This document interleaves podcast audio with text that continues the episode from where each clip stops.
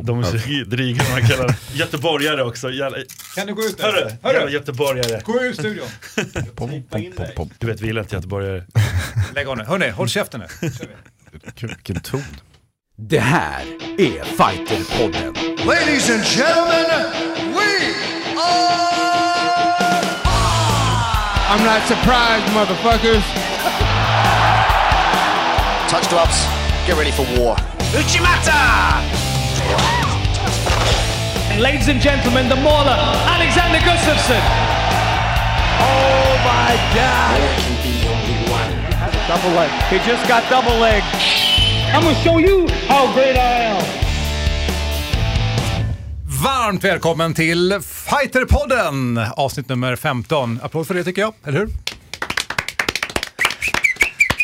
Jag älskar när man applåderar sig själv. Lite så här halv avslagen applåd. Nej, ja, det var en, en, en, nästan en sån där uh, slow clap, nu vet du, som en Hollywoodfilm. vänta, vänta, vänta, vänta, vänta, låt mig avbryta här. Det är helt otroligt. Vad hör vi för röst? Det Hans Wiklund är Ja, tillbaka! Det är en applåd för det. Jag blev, jätte, jag jätteöverraskad, jag kände inte igen mig själv ens. Jag undrade, vad, vad gör jag här tänkte jag och sen så nu visade det sig att jag är ju här. Ja, Det du är Du är hjärtligt Ja, välkommen alla välkomna själva. Du har haft jättehärliga olika anledningar att inte vara här, men vi är glada att du är här. Ja, gud vad jag har skylt på egentligen.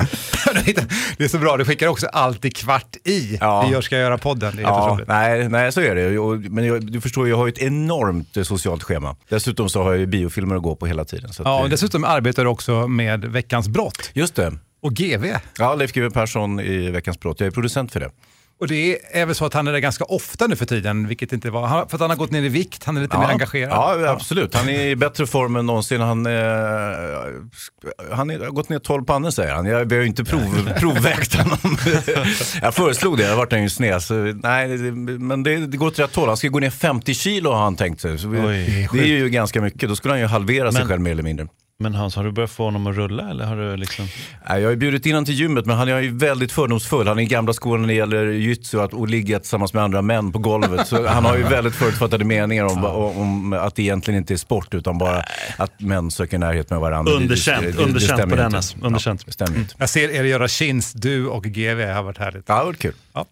Hörrni, den här podden handlar om kampsport vi pratar ju om all typ av kampsport, men just den här dagen kommer vi att fokusera på thai-SM som är nu i helgen. Det är i Torvaldhallen i Haninge. Och därför har vi tagit hit en eh, härlig gäst som då är den supertalangfulle thaiboxaren Konstantino Nanga, mer känd som Kostas. Välkommen! Härligt. Där, applåd. Nu riktig applåd. En riktig talang, det är härligt. bra. Det Det är är så härligt. vi gör Kostas, vi bara applåderar oss själva så ligger vi och får upp den här stämningen. Här. Ja, Jag gör också det hemma ibland. det är bra för självförtroendet, inte sant? Man känner, herregud, här kommer jag igen. Ja, det är bra. Du, eh, det är dags som sagt för dig nu i helgen och det börjar redan nu, den här spelas in på en onsdag, imorgon torsdag och du hade käkat till frukost, vad sa du? Aprikos och eh, vatten. För att du håller på att gå ner i vikt. Så är det. Simon, ö, på skoj, bara din frukost. Min frukost var två mackor på stående fot och vatten också faktiskt. Med. Mm? Ja. Du då Hansa? Nej, jag, jag äter inte frukost. Nej, samma här. Nej, det, går, inte. det hinns inte mer. Jag brukar säga tugga vatten så är man igång. Ja. Ser ju. Mm. Ja. Kaffe och snus. Men eh, tillbaka till dig då, hur är det med, eh, ja, ligger vikten rätt? Vad, vad är Ja, status? vikten ligger rätt. du, vi ska prata mycket mer med dig Kostas. Yes. Kul att du är här och Tackar, eh, tackar. nu kastar vi oss över till det som alltid händer varje vecka, nämligen kampsportsnyheter i korthet.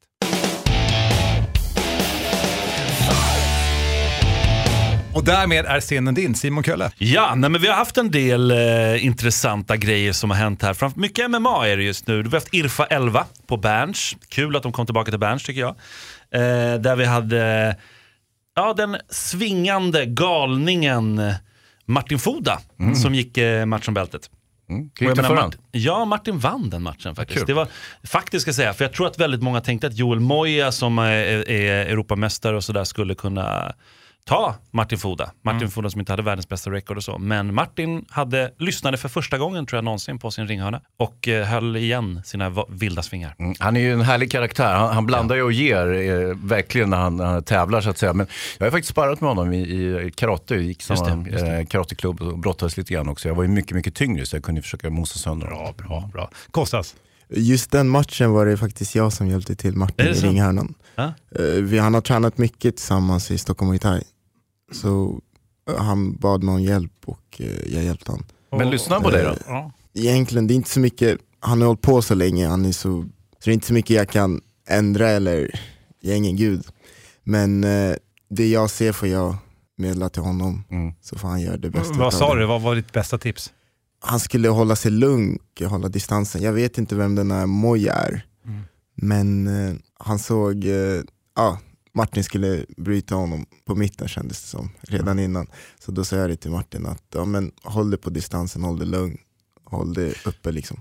Moja är svår, han är ändå en bra kille. Alltså, han kommer från amatörgrejen och bara den grejen att få möta någon som har gått 15 proffsmatcher i sin första match, det har aldrig hänt i Sverige förut. Så det var helt nytt. Och eh, Martin som du säger, han är, alltså, han är ju, han brukar inte lyssna på sin hörna alls. Och han brukar vara extremt vild, svinga otroligt mycket. Man tänker så här, någon gång kommer han sätta en sån- sina, sina svingar. De är, alltså, det är, där kan vi prata gud, alltså, det, det är som kraft alltså. Det är verkligen helt otroligt. Men eh, han blir också trött. Han blir väldigt trött. Så att i tredje ronden brukar han alltid slokna. Liksom. Den här gången så höll han sig lugn, tittade upp flera gånger mot sin ringhörna.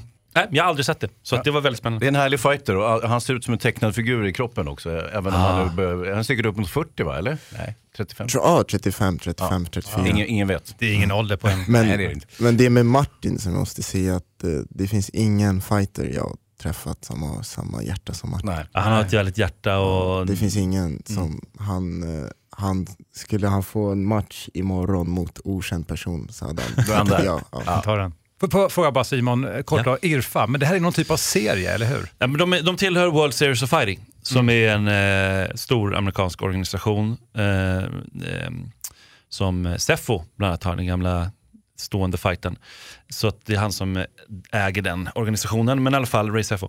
Men den, eh, de har en liga som finns över hela världen, som är där mästarna efter det här året i de respektive organisationerna i världen kommer mötas i en World Cup. Så att, i och med att han vann den här matchen, om han tar ett bälte... Han, han, han be- försvarade sitt bälte där i den här matchen. Så att han kommer säkerligen, Irfa kommer ha två till galor i år. Ja. Så är det väl ganska stor chans att han kommer få gå kanske en till match i år. Eller om han inte går i år av några, någon anledning så kommer han vara en av, då kommer han representera Sverige i den viktklassen. Spännande. Det är spännande. Så de ska ju få ut alla liksom bälten då, är tanken nu under året. Så de, de kommer komma tillbaka två gånger till. Nu i eh, maj tror jag det är och sen i september. Sen hade vi UFC Fight Night 105 med där Travis Brown eh, gick huvudmatchen och fick stryk. Vi hoppades lite på honom, kanske att han skulle komma tillbaka det. bra och så, men The Black Gorilla slog honom. Det där, The Black Beast kallas han för. I han hade ju däremot en, en glasmage, alltså för att eh, Travis Brown satte ju några sparkar i magen på honom. Han fick superont varenda gång. Vill du veta hemligheten där? Ja, För han, har vad var faktiskt, det? han har faktiskt berättat varför han var så. Han var väldigt bajsnödig under matchen. Och han ville liksom inte släppa en skit. Han tänkte att det här är på tv, det är över hela världen. Tänk om jag bajsar på mig. men det skulle vara, ja, det är sant, det är det han har sagt. För, för, för man stod- visste inte vad det var, det var är det en leverträff? Nej, det var inte. Och så- Ja, det är ju, alltså, han var otroligt mycket gaser i magen för han var ganska nervös. Men kommentatorerna var ju sån, eh, det är armen, nej det är magen, är det någonting, är det handen? Eller det är und- spark i underlivet eller någonting. Han bara hängde liksom. Det var jättekonstigt. Han tuff jävel i alla fall. och vann gjorde han. Vann gjorde han precis. Ja. Sen så har vi även haft Bellator. Eh, Mycket MMA som sagt och då skulle vi äntligen få se Fedor komma tillbaka mot Matt Mitrione, Meathead, eh, även känd som. Men Meathead eh, fick eh, njursten. Oj. Så att samma dag som galan skulle gå så uh, åkte, fick han åka till sjukhus. Med köttbilen. Men Med det är köttbilen. säkert en bieffekt av bantning föreställer man sig. Att Fast det är man, man drar ut för... Ja, jag vet inte. Han kanske kände sig tjock på Han ville se snygg ut i tv, inte vet jag. Nej, så kan det vara. Det kan ju vara så. Men i alla fall, det, är, ju- det var rätt saftiga golfbollsstora stenar i alla fall. Ja, du har sett dem. Ja, de, det finns animationer och allt möjligt. Alltså, folk är nördar i den här världen. Du är Simon. Ja, eh, ja, kanske lite. Sen skulle vi ju egentligen fått se eh, Fernando González. Det hade varit väldigt kul att se sett honom möta Ja, Marshall vad hände där då? Det är under lite så här, jag vet, man vet inte anledningen men matchen blev inställd. Så, det, det, Men var det från Fernandos håll eller från andra hållet? så vitt jag har hört så är det från Fern- Fernandos håll. Jaha. Men, och det vore ju tråkigt om det, om det är något. Ett poddtips från Podplay. I podden Något Kaiko garanterar östgötarna Brutti och jag, Davva, dig en stor dos skratt. Där följer jag pladask för köttätandet igen. Man är lite som en jävla vampyr. Man har fått lite blodsmak och då måste man ha mer. Udda spaningar, fängslande anekdoter och en och annan arg rant. Jag måste ha mitt kaffe på morgonen för annars är jag ingen trevlig människa. Då är du ingen trevlig människa, punkt. Något Kaiko, hör du på Podplay. Därför. Om det är Allvarligt någon, skada eller så. Det Ja, tråkigt. precis. Men För hon, han är ju en av våra främsta liksom, talanger verkligen i Sverige. Det är lite av det som har hänt senaste tiden. Och Det- så hade vi också, jag glömde säga det, vi tog faktiskt inte upp Holly Holmes. Just det. Holly Holm mot... Eh, Jermaine de Randami. Ja, precis. De förlorade ju. Ja, där förlorade Holly. Hennes tredje raka förlust. Mm. Det är Fast det var väldigt märkligt för att alltså den här eh, Jermaine, i både första och andra ronden så slogs ju hon efter rondsignalen. Ja, det var ju ganska De var fult. helt galna. Andra ronden var ju helt de var galna kommentatorerna att inte hon åkte på ett. Holly Holm vart ju faktiskt knockad i första ronden precis i, i slutet, alltså efter signalen. Så- Nej, men det var lite... Och ingen straffpoäng på det och så vann ju då eh, Jermaine liksom på poäng. Känns ju lite snurrigt. Ja, det var taskigt. Nej, men eh, mycket stort fokus ligger ju nu eh, närmast framåt då. Om man tittar framåt så ligger det på thai-SM. Det är såklart thaiboxnings-SM, det var, det var riktigt bra och stort och blev hypat förra året. Och tyvärr, VM var ju lite sådär, mm, mm, mm, tyvärr. Det var inte alls så häftigt som vi hoppades. Sen gjorde vi väldigt bra matcher där, alltså svenska fantastiska matcher. Men det var ju inte alls så här publiksuccé något. Vi har pratat om det många gånger. Men eh, SM däremot var väldigt häftigt. Och nu äntligen nu får vi ett till SM som jag tror jag är i Stockholm och det, det gör att det blir det blir väldigt, väldigt hype kring det här SMet. Det var länge sedan jag har hört så mycket snack om thaiboxnings-SM som det här året. Så det ser jag verkligen, verkligen fram Och emot. dessutom har vi en superstjärna i studion. Vi har en superstjärna i studion och eh, det kommer vara andra superstjärnor där också. Vi kommer vara där, Fighterman kommer vara där på plats och låta ut eh, grejer och eh, göra allt möjligt där. Nej, men det, vi kommer intervjua och vi kommer ha stor närvaro där i alla fall på galan och det känns kul. Innan vi bara dyker in i thai-SM, Mm. har vi någonting mer som kommer framöver? Det har vi. Vi har Klara Svensson mot Cecilia Bräckhus som går i helgen. Äntligen den tuffa eh, thaibox, säga. boxningsmatchen som vi har väntat på, som blev uppskjuten förut. Så Och Klara Svensson hon snackar ju bra alltså innan bra. alltid. Ja, hon är ju tuff. Hon är ju det och eh, hon är duktig också. Hon Mm. är verkligen... Men Cecilia Bräckhus har ju sett helt så här, oh, alltså, det, går... det jag- är som att ingen kan rå på henne. Nej, riktigt. och när man ser dem bredvid varandra så känns det ju som eh, att det här kommer inte gå vägen på något sätt. Nej, eller hur. Men, eh, det är, och det är i Oslo, så att då eh, kan man tänka sig kanske lite fördel. Men ibland är det inte fördel. Jag vet inte, vad säger du Kostas? Är det, inte, är det alltid fördel att vara på hemmaplan? Ibland, det beror på hur du är som människa. Jag tycker om att vara underdog. Ja. Ja, men då är, det, ju- då är det skönt att vara, i ditt fall kanske Göteborg eller någon sån där. Ja, absolut. som bajare. Så. Men vi, hade ju faktiskt eh, förra podden som du missade då Hansa. Ja, en av många. Då hade vi ju tema boxning, det var ju Oskar Alin här, the golden boy. Mm. Och så hade vi ju eh, Paul Nielsen, han är ju kommentator på Eurosport och sådär. Pratade ganska mycket om det här med damboxning. Att den är stor och den är bra här. Ja. Ja, samtidigt som att hon, han sa liksom så här globalt, alltså hur bra är de här boxarna? Och då är det ett fåtal, och den här matchen vi har nu, är det, den som, alltså det, är, det är de bästa som möts nu. Ja, Det är verkligen de bästa. Och det är ju, sen är, apropå Holly Holm, så hon var ju också en av de bästa. Men i alla fall, sen så har vi ju då, vi kommer helgen efter, så kommer vi få se en häftig UFC-gala som vi verkligen har sett fram emot så mycket. Thompson mot Woodley 2 där. Och vi kommer få, co-main eventet är väl det som jag och väldigt många andra har sett fram emot mest i hela det här året när det gäller matcher. Och det är ju mot Khabib Nurmagomedov som möter Tony Ferguson. Det kommer ju vara, den är, det är så cool match tycker jag. Mm, verkligen. Vem har du som favorit? Ja? Nurmagomedov, absolut. Ja. Jo men han Han är är fruktansvärd. läskig brottare, läskig Mm. grappler och, men han kan bli träffad. Det, kan, det har han ju visat, i sin förra match blev han ändå Men träffad. Thompson-matchen då? Den är också häftig såklart, men den är jättetuff, absolut. Men, men den här man, Khabib, alltså det, är- det är på en annan nivå. Och den, den mängden fans han har och den oförståelsen vi kanske har här, att hur stor han egentligen är. Vissa säger att han har bortåt 100 miljoner fans. Det är rätt mycket. Det är ju ganska mycket. Det är ganska mycket. Ja, det är det. Men eh, det är ju eftersom att då UFC inte kommer till Ryssland, man får inte glömma att Sovjetunionen var ett stort en gång i tiden. Så att det, finns, det finns många där som gillar kampsport. Och många gillar Khabib.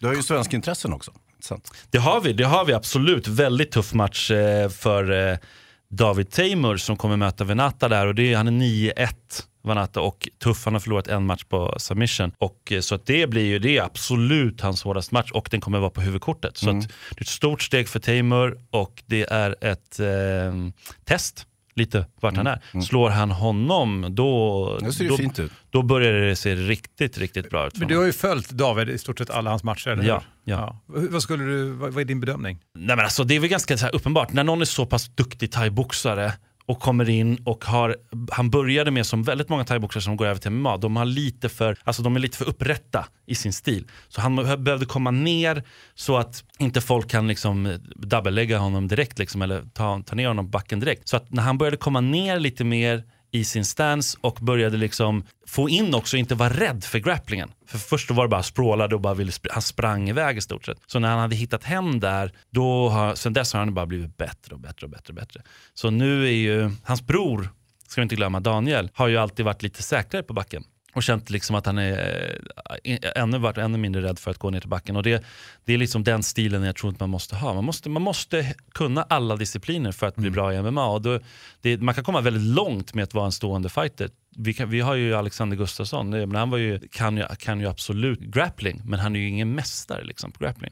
Så, men däremot har han blivit det på brottning, vilket är väldigt intressant. Så han är ju fantastisk brottning nu. Men hur som helst, det blir en väldigt kul match och en kul gala. Sist men inte minst så har eh, Superior Challenge gått ut och eh, med att Papi Abedi kommer komma tillbaka igen. Han kom, gjorde en comeback förra året. Men eh, han kommer möta Dylan Andrews som var den som kickade ut honom ur UFC. Eh, han hade i första ronden så hade ju Papi, Papi aldrig sett så bra ut som han gjorde i första ronden där mot Dylan Andrews. Andra ronden såg jättebra ut. Han kroknade i tredje ronden och Dylan Andrews slog ut honom. Så det var ju det var, det var synd och eh, Papi har längtat efter att få den här matchen. Och det blir, blir en eh, fight om mellanviktsbältet. Men när lämnade Dylan UFC då? Eh, kort därefter. Mm.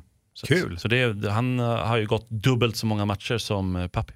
Och blir det fortfarande i Stockholm, vet du det? Superior? Det blir i Stockholm, Eriksdalshallen 1 april. Härligt. Kul. Det var det hela eller? Nej men sen har det ju också varit en del eh, BJJ som du är en expert på Hans. Expert ska jag verkligen inte säga. Så jag och Mårten är någon form av amatörexperter i, i, i BJ. Vi kommenterar, men det som vi sa när vi satt och kommenterade sist, det var ju lättare när Max och de här satte sig bredvid oss, som kan BI ordentligt. Ja, att vi hade idrottare bredvid oss som satt som uh, bisittare så att säga. Men visst det har ju varit, det finns någonting som heter Supreme League i Paris, eller Ligue Supreme kanske. Alltså, min franska är ju oerhört urusel som ni kanske hörde. Men det är eh, superfights. eh, mellan eh, grapplers eller BJ-utövare och eh, senast så var det med GI med dräkt och nu var det no GI i eh, helgen och eh, Emad Omran och eh, eh, Jamil Karahan var där och tävlade och vann. Eh, de deltog i någon sorts belgiskt team tror jag, eller holländskt möjligtvis och deras team vann. Då. Så det är en sorts eh, lagtävling och den eh, sänds på tv. Och det är en väldigt fin inramning också. Det som är lite coolt är att mattan är upphöjd så att om du liksom knuffar av personen från mattan så kommer han slå ihjäl sig garanterat. det, så här, det är helt livsfarligt ut. Plus att domarna visselpipa också såg jag. Det så, så det är lite speciellt. Men en väldigt bra inramning, mycket folk och, och liksom kul fighter. Eh, ja. Men det var, det var i alla fall inte vatten va, utanför? Du Skulle kunna den- varit en vattengrav. Det hade ju varit mycket skonsammare. Ja. Så, så, såg ni den eh, galan som var i, i Kungsträdgården? Nej. Som, där Jycken gick matchen, så såg ni den Kostas? Då var det vatten runt. Alltså, det måste vara typ den sämsta idén som någon Var det- någonsin har kommit på. Var det inte då han skadade sig? Ja, han ganska? skadade sig ganska rejält där, flög ut i vattnet flera gånger. Och du vet, det var så hårt. Och du vet, för just det här att det är en sak att ha vatten utanför, men sen när du kommer upp från vattnet så är du blöt. Du blir blött på Ja, ja, mattan. så halkar och så de halkade runt sig och slogs. Alltså det, Ja, det var en dum idé. Men så var det i alla fall inte här. Nej det var det inte, de ramlade rakt ut i det liksom bardiket. Tomma Men det är också härligt för Emad, det är ju eh, en kille från din klubb. Ja, både Emad och, Och Jamil. Jamil är från min klubb eh, Prana Jiu-Jitsu. Så att, eh, de är ju väldigt duktiga måste jag säga. De har ju rensat rent i Europa den här, eh, ja, förra året och även då början på det här året. Men vad skulle du säga är deras, var, varför, förutom på klubben och Kenta är bra och ni är många som är bra där, men vad är lite hemligheten? Varför är de så otroligt bra? Ni är flera som är riktigt bra på klubben. Det det är roligt att du säger ni, de är bra. Ja, men ni, Ja. nu, då menar jag klubb. det finns folk på precis. klubben som Ja, tävlar. ja, verkligen. Nej, men det, är- jag tror att det handlar om att de har bestämt sig. Det finns en dedikation att Kenta Hammarström som är, är tränare, han, är, han, kör, han kommer dit inte så att han försvinner iväg plötsligt utan eh, år ut och år in, julafton, skitsamma. Han, han tränar på sitt team och eh, de är väldigt dedikerade. De kör två pass om dagen och här finns ju inte heller några pengar. Liksom, ännu sämre än i thaiboxning skulle jag vilja påstå. Så att, eh, det är att de är dedikerade och eh, när du har bra på klubben så blir de andra bra. Det är ju en lagsport och så är det ju med all kampsport alltså när man ska utvecklas. Så att det, är, det är ju teamet liksom. Man tränar ihop. Du vet att Emad Omran tränar privat med Hans. Alltså inte så att Hans tränar honom, utan Emad tränar Hans. Ja, men det är häftigt. Ja, det är, det är väldigt roligt. Så att, eh, vi har kul ihop. Härligt.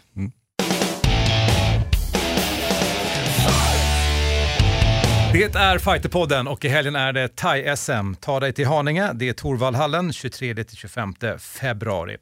Vi pratade ju om Thai-SM när vi hade Rodrigo här, kommer du ihåg det? Ja, just det. Rodde var ju här och även Abdo Karim Shor var här. Just det. Podd nummer 10, då frågade faktiskt vi Rodde vilka förväntningar han hade då på arrangemanget. Oj, jättemycket faktiskt. För att eh, vi sa det när vi tog på oss att nu, nu vi, we bringing it back. För att SM har inte hållits i Stockholm på väldigt många år, förutom ett förkval som hölls i Stockholmsstadion där för några år sedan. Men inte ett helt SM. Så att eh, vi ska dra på riktigt stort hoppas vi. Ehm, så vi tror att eh, tillgängligheten kommer vara lättare med tanke på att vi är i Stockholm nu. Mm.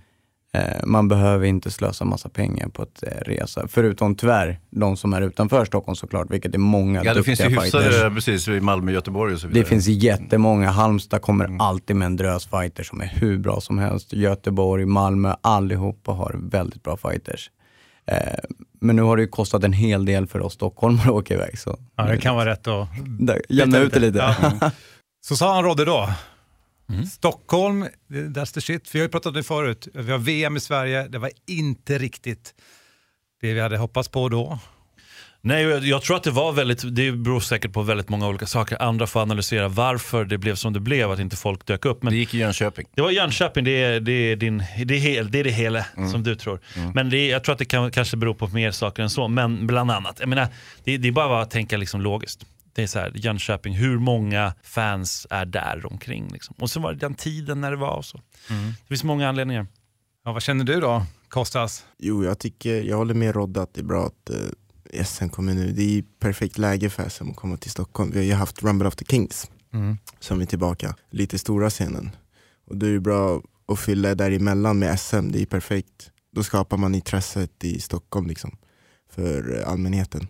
Så det är jävligt bra. Och eh, det är bra, varför, varför jag tror det blev som det blev i Jönköping, det är för att vi måste förstå att thaiboxning i Sverige inte är, mängden utövare så är vi en stor sport, men eh, för allmänheten är vi ingen stor sport. Så då är det klart det är svårt att locka eh, ah, publik. Så därför är det bra med Rumble of the Kings, för då bygger man upp profiler som man måste bygga, precis som med UFC och allting, man måste bygga sporten runt profiler och, eh, ja, om du förstår vad jag menar. Så det är ju bra köra Rumble, SM, Rumble och så små turneringar. För man ser i städer som Varberg och Halmstad, där är thaiboxning, det är nästan det enda de har. Ja. Och eh, för de har ju koll på alla som kör SM, liksom, han brukar vinna och så vidare. Men det har vi inte i Stockholm, bara de som tävlar. Vad tror du då, publikmässigt? Jag tror det blir riktigt bra. Jag har sett lite nu på hemsidan där och det, jag vet inte om Rodde snackar skit men eh, han säger att det börjar bli slutsålt till finaldagen i alla fall. Hur, hur ser din fanbase ut? Har du något gäng som alltid kommer och kollar? Min familj. Ja. Det Och den är stor? Ja, den är stor. Den är stor. Det är bra. Jag- Nej, men det var mycket folk som hejade på dig på Rumble. Alltså du Ja, det hade var mycket, det var, eller, eller så var de bara väldigt högljudda, eller vana med att ropa mycket kanske. Nej, men men det, var jag- sköna, det var sköna grabbar och Men- mycket folk. Absolut, jag har ju, jag har ju många polare, jag, har alltid varit the cool kid in the school. Nej, men eh, ja, jag, har- jag har mycket polare, nej. lo, lojala polare som är schyssta liksom. Och, eh, det får man också med tiden, när du spelar ingen roll vad du kör curling så hittar du Mm. polare som gillar curling. Man- Du är bara 20 år också, eller hur? Ja, jag fyller 21 i 21 år. nu, ja. I år. Tänk vilken fanbase du har när du är 30. Tvärtom kanske. Ja, kanske. Får färre och färre varje år. Liksom.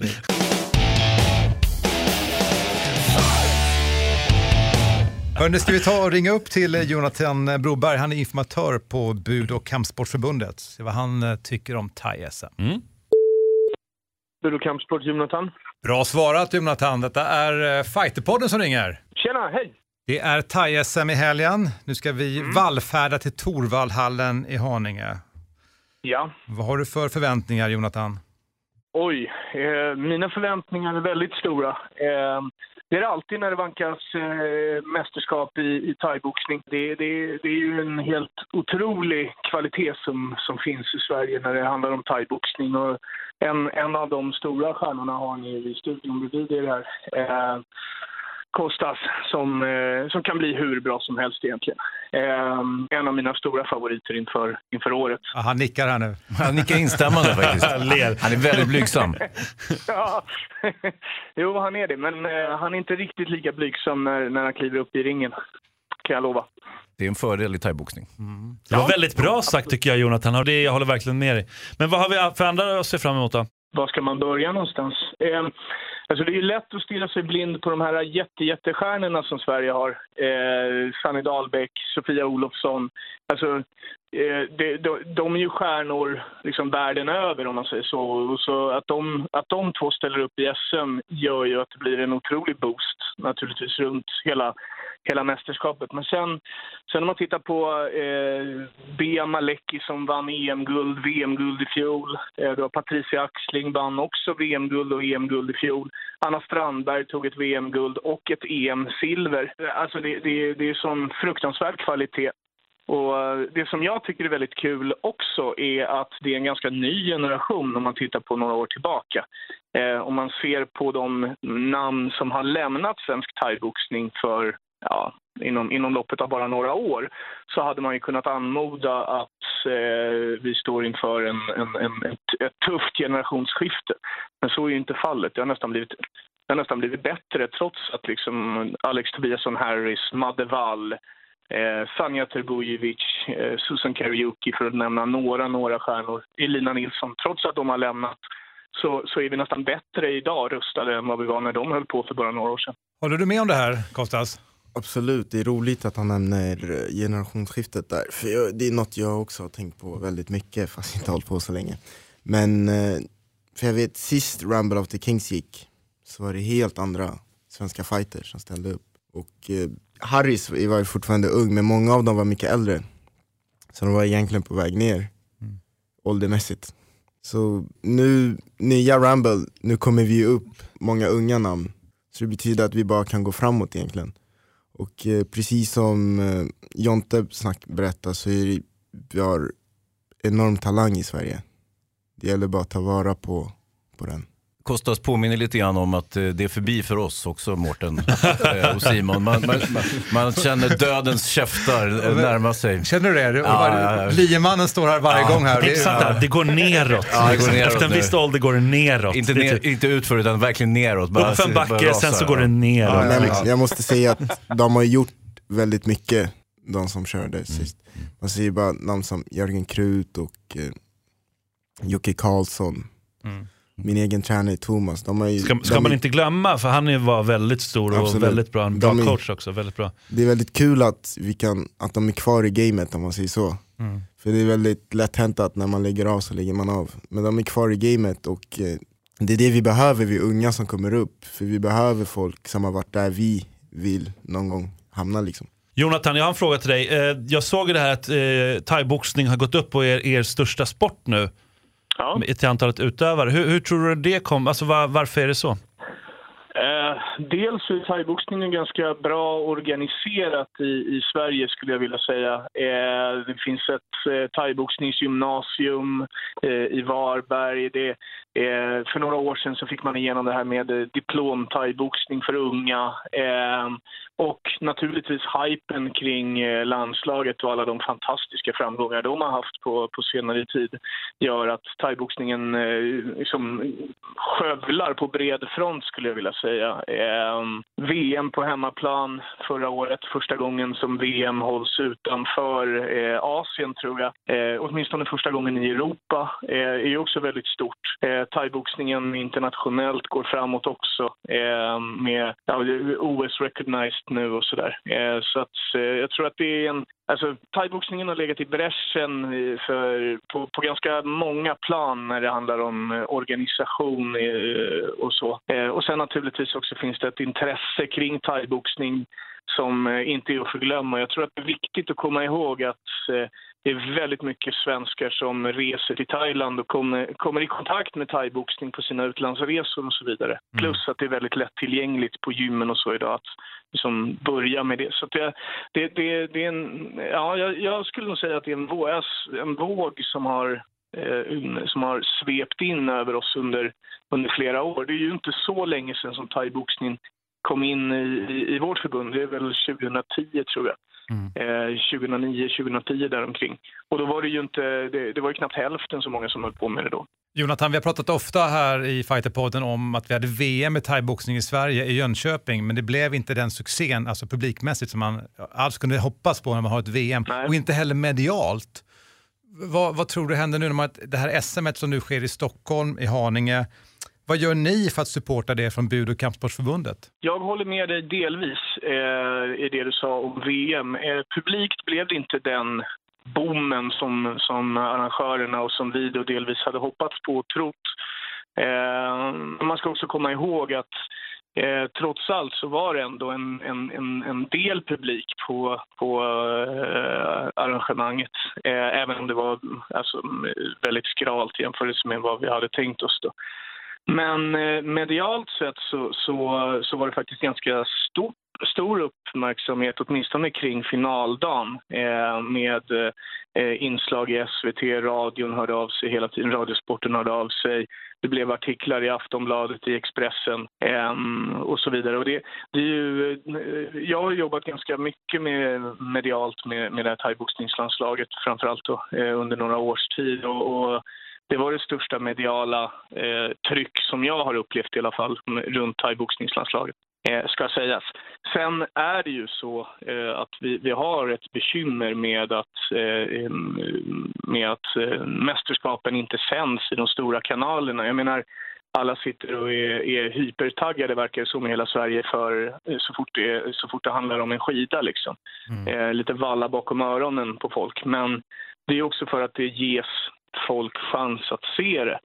Eh, vilket, vilket jag tycker är tråkigt att inte thaiboxningen, den borde ju naturligtvis, kan jag tycka, ha sänts eh, i någon av de större kanalerna när det ändå var på hemmaplan och vi visste att vi skulle ha eh, en, en otrolig medaljframgång.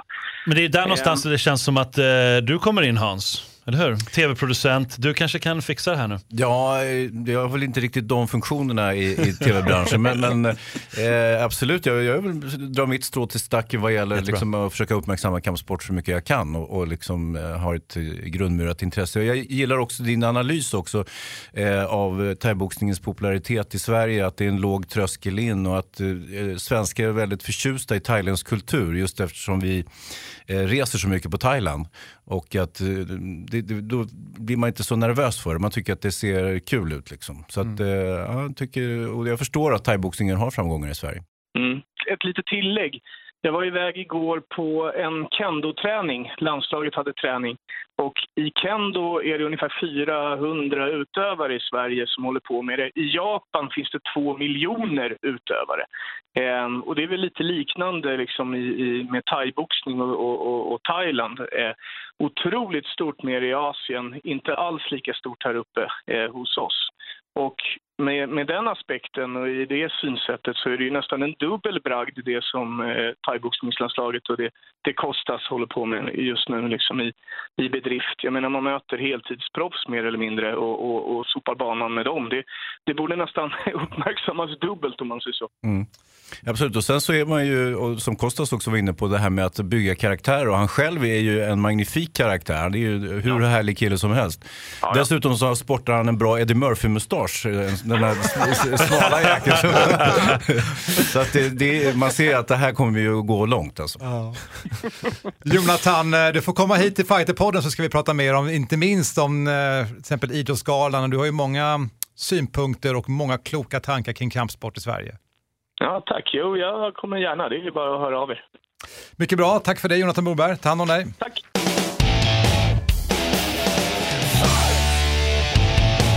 Jonathan Broberg alltså som är informatör för Bud och Kampsportsförbundet. Och som sagt, i helgen i Haninge, här sitter en kille som eh, bantar för fullt nu, eller hur? Ja. Varför, vilken viktklass är du kör i? Minus 75 tävlar i. Ja. Vad ligger du på normalt i vikt när du inte bantar?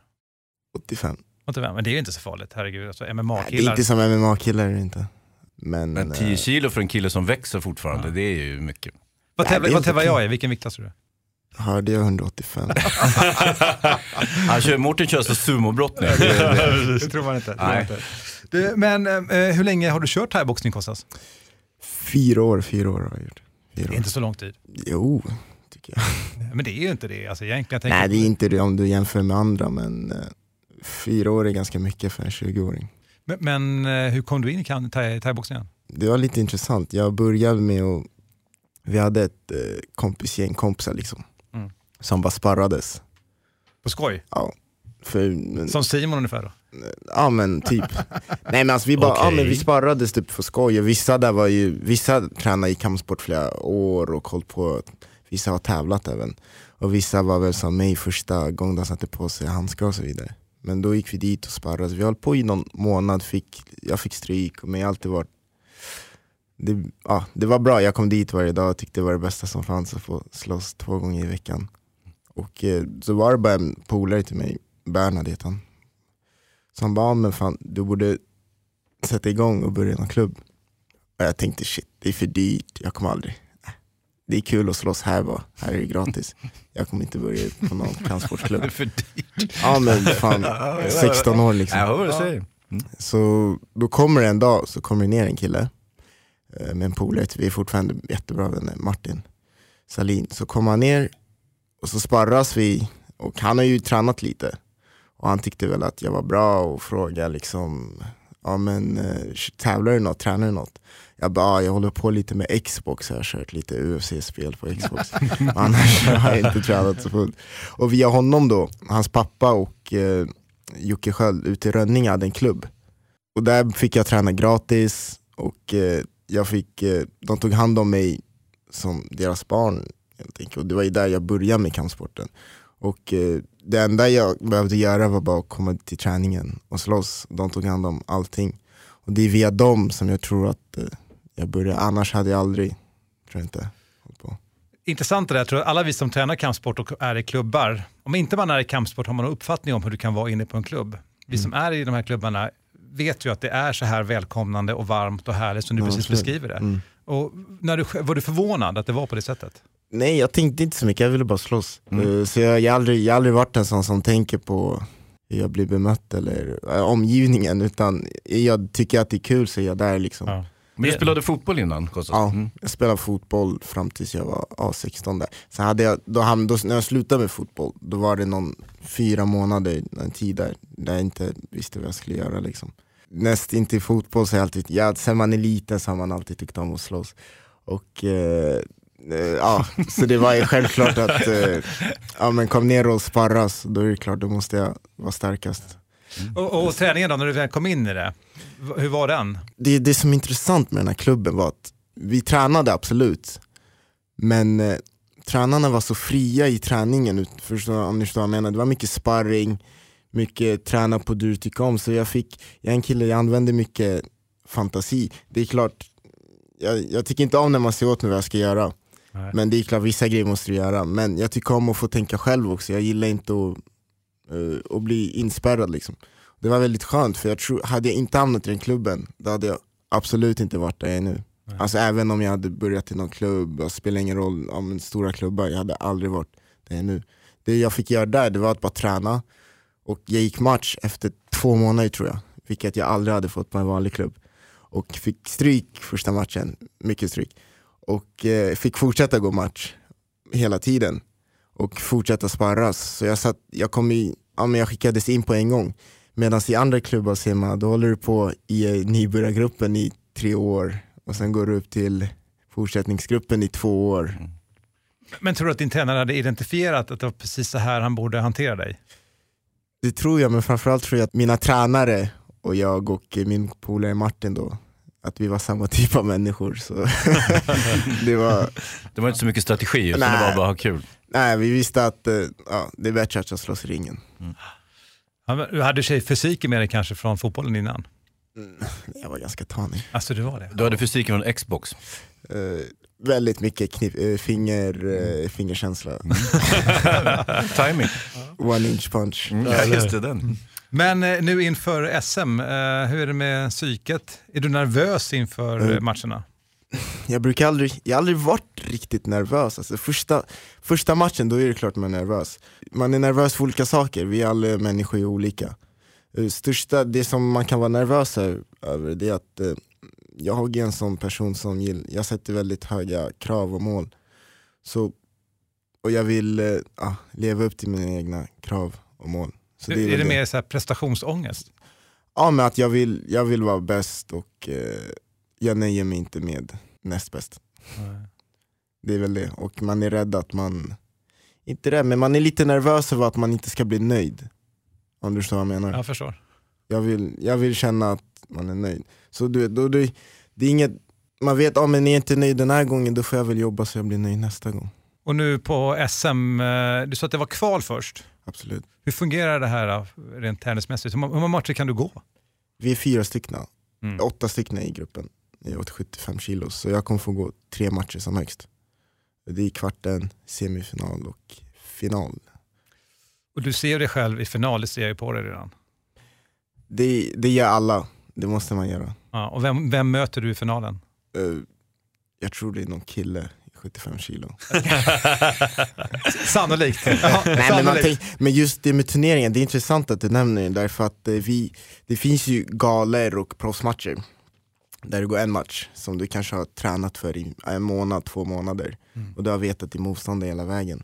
Sen finns det turneringar där du kan möta vem som helst. Och det, det är väldigt annorlunda. Det är svårt att förstå eh, för er som inte tävlar men det är stor skillnad. Alltså psykiskt hur du ska förbereda dig. Men det är det precis jag menar. Vet du vilka de här åtta personerna är och vem tror du av dem är det du kommer möta i finalen? Jag vet vad, jag känner till, det vi, från förra året är vi två stycken i år och varav en jag mötte i finalen. Alla andra, jag känner inte igen dem. Aldrig sett dem, jag sökt på google och facebook. Ja, du har kollat, du, har, äh, du hittar ingenting på dem? Nej. Nej. Okej. Ja, det är ju spännande. Ja, det är alltid spännande. Mm. Kom surprise, surprise. Vad har du för uh, fight plan då? Ska han berätta det här verkligen? Nej, men det är inte så mycket. eh, Slå och sparka. Nej men absolut, nej, jag tycker faktiskt inte, jag tycker fighting det är mycket mer än slå och sparka knä. Mm. Alltså det är så mycket mer. Det är precis som att eh, ett barn, den, eh, den, den lyssnar på orden, den härmar orden, sen förstår den vad orden betyder. Det är olika dimensioner. Mm. Och precis som att med fighting, du ser hur du ska göra teknikerna, du lär dig teknikerna. Men sen är frågan, är, du måste veta hur du ska använda dem.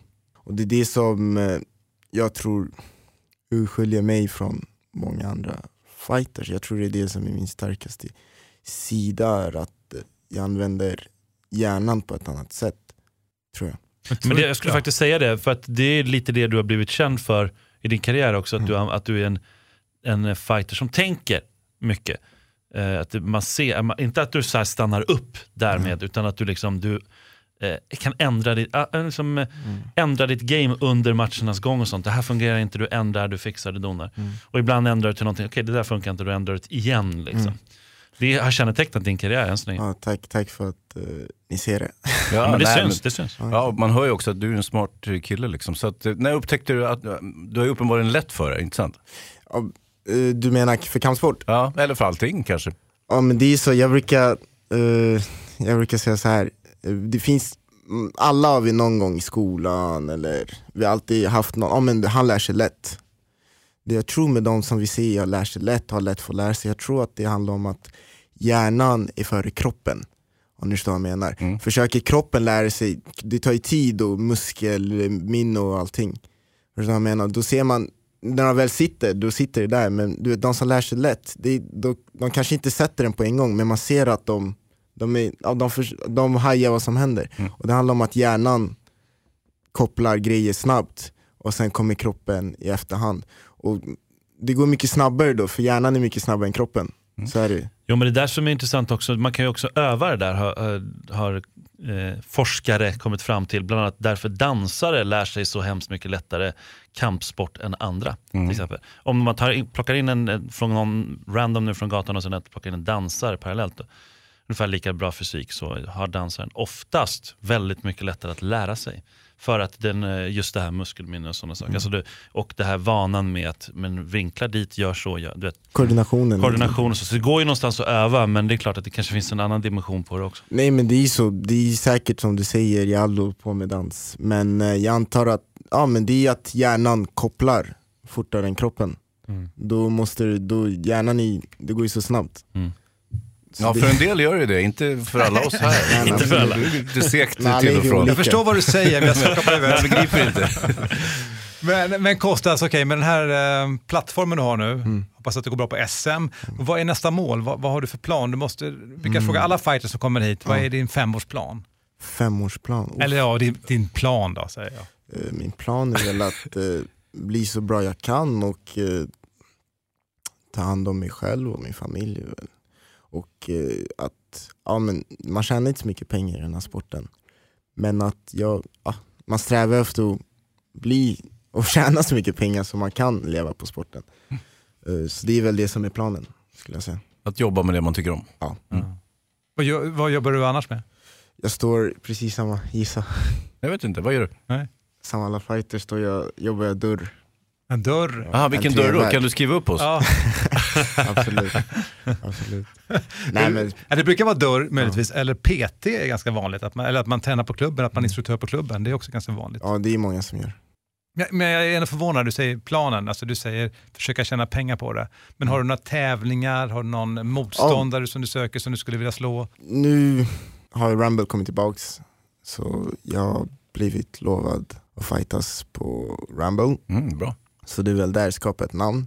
Sen är väl största för alla kick thai-boxare så är väl eh, Glory, har ni hört talas om. Absolut. Ja. Så det är väl det som är planen och eh, ah, hamna i en organisation så du kan skriva kontrakt på några matcher. Då vet du att du har så här många matcher på ett år och det betyder så här mycket inkomst. Men bli professionell på riktigt. Absolut.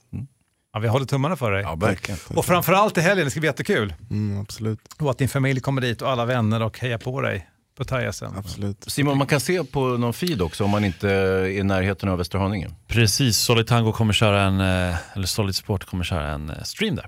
Så att man kan se det. Och sen kommer vi vara på plats som sagt, eh, Fighter Mag kommer vara där, intervjua, vi kommer dela ut lite priser och eh, ja, Ultimate sponsrar och så vidare och så vidare. Godis kommer finnas där också. Massa grejer som... Du är godis Simon. Jag är godis, du är mumma Hans. Och han är här igen, Hans Wiklund. Det är så härligt, det är, det är, någon, så här, det är någon sorts värme, det är någon så här, berättarrösten är där, allt Ja, det där. Liksom. Ja, Ja. det är Och nu, inte tycker, nu, nu tycker han det är jobbigt. Nu tycker han det är Nej, jobbigt. men det rodnar lite. Ja, precis. Ja, eh, tack Kostas för att du kom Tackar, hit. tack själv. Tack Simon Kölle. Tackar, tackar. Hans Wiklund. Oss. Det här är Fighterpodden. Du kan kontakta oss på fighterpodden at fightermag.se. Nu kör vi thai-SM och hörs om två veckor igen. Jag heter Mårten Söderström. Ha det gott. Uss! Os.